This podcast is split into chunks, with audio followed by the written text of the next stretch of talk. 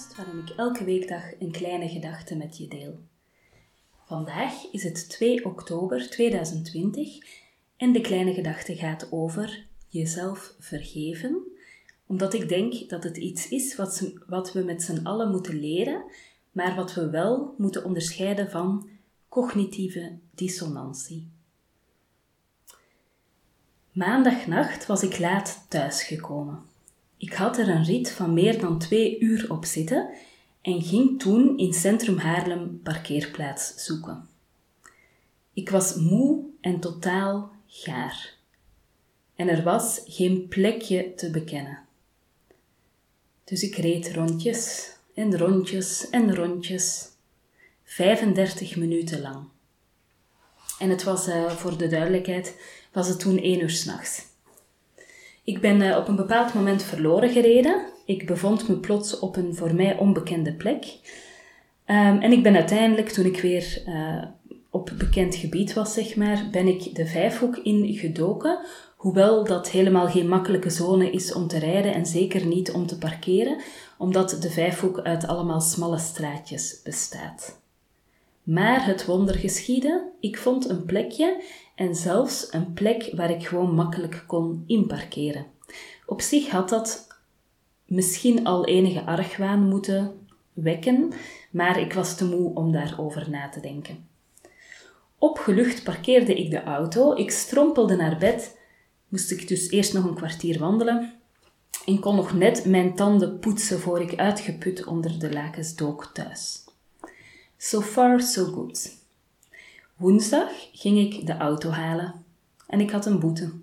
Vreemd, dacht ik, ik heb toch een vergunning? Ik belde het vermelde nummer en kreeg te horen dat er een paar straten in het centrum uitgesloten zijn van die vergunning en dat ik dat had kunnen weten, want ik had het kunnen lezen op de website. Slik. Ik was er best van aangedaan, vooral omdat ik moe was en omdat ik het zo stom vond. Dat ik eigenlijk met de beste bedoelingen toch fout geparkeerd was uh, en dat ik daar een boete aan heb overgehouden. Maar weet je wat? Ik vergeef mezelf dat ik mijn auto op de foute plek heb gezet. Ik vergeef mezelf dat ik dat parkeerreglement, dat hoort bij mijn vergunning, niet heb gelezen. Ik vergeef mezelf dat ik de uitzonderingen niet kende. En ik vergeef het mezelf dat ik niet op dinsdagochtend meteen, dus ik ben maandagnacht thuisgekomen. Ik had in principe op dinsdagochtend de auto kunnen halen en bij ons in de, buurt, in de buurt kunnen zetten.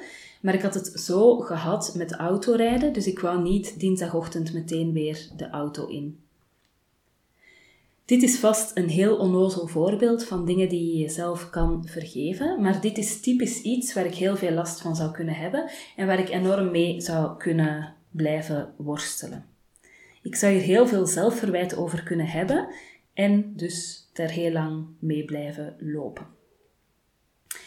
Jezelf vergeven, dat zei ik al bij de inleiding, is iets heel anders dan cognitieve dissonantie. En cognitieve dissonantie is een psychologisch mechanisme waarbij je consistentie wil zoeken tussen je cognities, dus je ideeën, je overtuigingen en je meningen, en je gedrag. Het is een term die Leon Festinger ehm, heeft beschreven in een boek uh, gepubliceerd in 1957. Ehm, en daarin stelde hij dat alle mensen streven naar interne psychologische consistentie om mentaal goed te kunnen functioneren in de echte wereld. Het ervaren van cognitieve dissonantie is namelijk ongemakkelijk um, en mensen krijgen daar stress van en daardoor zijn mensen altijd gemotiveerd om die dissonantie te veranderen. En uh, die dissonantie aanpakken of veranderen doe je door bijvoorbeeld stressvol gedrag te rechtvaardigen of door omstandigheden en tegenstrijdige overtuigingen te vermijden. Een guilty pleasure van mezelf is het kijken naar Waar doen ze het van? Dat is een programma uh, wat ik via de NPO-app kan bekijken. En um, ik was er nooit opgekomen als ik niet um, de mama van volg op Instagram. Dat is een mama van uh, intussen acht kinderen die een meisjestweeling heeft en die heel actief is op Instagram. En tijdens mijn zwangerschap van mijn tweeling twee meisjes, uh, zocht ik op internet naar bijvoorbeeld bevallingsverhalen van tweelingen um, en naar allerlei dingen rond meisjes-tweelingen. Want ik had in die periode enorm veel last van slapeloosheid en um, ik werd daar heel depressief van, heel ongelukkig. Uh, en ik probeerde mezelf dan die nachten um, ja, mentaal boven water te houden door ja, schattige foto's te zoeken van tweelingmeisjes en uh, ja, leuke foto's van tweelingen in het algemeen. En op die manier heb ik ook um, een filmpje gevonden, ik denk van de bevalling zelfs van uh, Annemarie, uh, de mama van. En toen ik later dan uh, op Instagram haar ging volgen, zag ik eigenlijk heel veel foto's voorbij komen van haar tweeling Saar en Suus. ze schrijft trouwens ook columns voor het tweelingen tijdschrift, wat ik om de zoveel tijd in de bus krijg. Dus voor mij was zij een soort van rolmodel tweelingmoeder die intussen acht kinderen heeft en die enorm gestructureerd haar gezin lijkt te managen. Maar zij hebben als gezin dus meegedaan aan het programma Waar doen ze het van? En dat is een programma even voor de Vlamingen uh, die het nog niet gezien hebben, want het is een Nederlands programma natuurlijk. Um, waarin een aantal gezinnen worden gevolgd uh, met betrekking tot hun uitgavenpatroon. Dus uh, er wordt van elk gezin gedeeld wat er binnenkomt per maand. En dat gaat van het extreme 130.000 euro per maand tot het andere extreem 300 euro per maand. En uh, door verschillende gezinnen te volgen en hun keuzes in beeld te brengen rond financiën, wordt er eigenlijk een beeld geschetst van hoe mensen, uh, hoe verschillende gezinnen, verschillende mensen keuzes maken rond het financiële. Nu, de mama van, waar ik het dan net over had, die is soms echt onsympathiek consistent. Bijvoorbeeld, um, zij weigert om veel um, geld uit te geven aan verjaardagsfeestjes voor haar kinderen. Dus haar kinderen krijgen geen verjaardagsfeestje meer.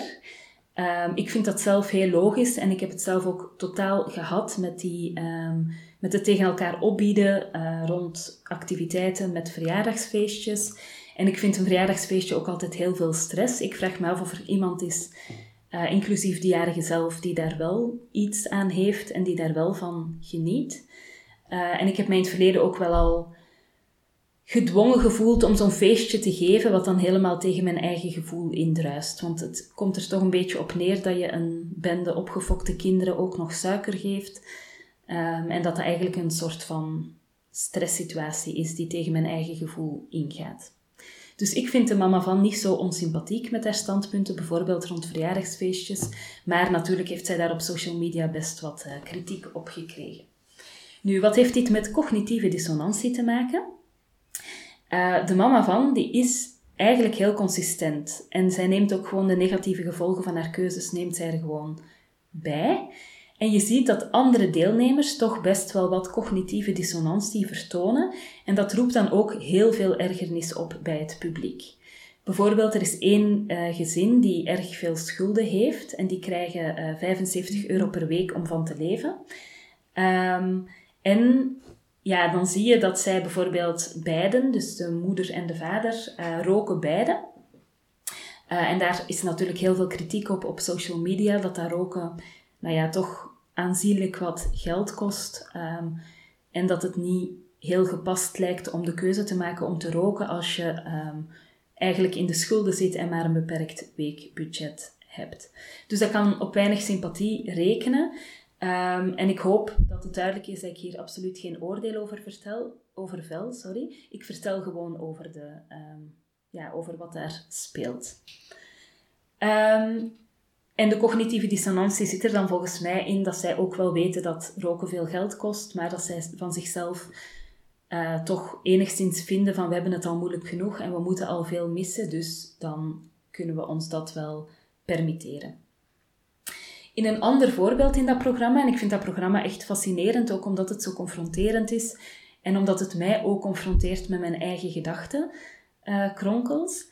Um, in een andere situatie zie je dus een mama en een dochter, um, een alleenstaande moeder met een volwassen dochter, die studeert. En in Nederland uh, lenen studenten in plaats van dat zij van hun ouders uh, het collegegeld en een kot krijgen betaald. Dus uh, deze studenten woont bij haar mama en zij leent maximaal, heet dat dan. Wat betekent dat zij iets van de 900 euro per maand leent. Um, om haar collegegeld te betalen en om uit te gaan en om te leven en kleding te kopen. En op een bepaald moment wordt daar door een budgetcoach worden daar vragen over gesteld. Of dat wel slim is om maximaal te lenen. Want dat uh, maximaal lenen betekent dat deze uh, jonge vrouw aan haar werkende leven gaat beginnen met een schuld van ongeveer 50.000 euro. En natuurlijk is dat iets uh, waar je over kan nadenken en het gesprek over kan voeren. En ik heb hier ook weer geen enkel oordeel um, of deze jonge vrouw maximaal mag lenen of niet. Maar in een nafilmpje zie je dat die moeder dan uh, in beeld komt en die zegt: Mijn kind heeft veel meegemaakt, uh, wij hadden minder geld dan andere mensen, ik ben zo trots op mijn kind en ik gun haar echt ja, ik gun haar het allerbeste. Um, dus eigenlijk merk ik dat ze daar een soort van cognitief dissonant iets creëert om dat maximale lenen, wat betekent dat die dochter dus met een grote schuld aan het werkende leven gaat beginnen, om dat goed te praten of om, daar, om dat aanvaardbaar te maken, denk ik. Terwijl het vol, volkomen legaal, of uh, ja, legaal bedoel ik niet, maar het is gewoon, ik denk dat het verstandig is om toch na te denken um, of dat lenen wel zo verstandig is en of er bijvoorbeeld niet uh, wat geminderd kan worden. En daarmee zeg ik niet dat het zo is, maar ik denk dat het wel belangrijk is dat dat een gespreksonderwerp kan blijven.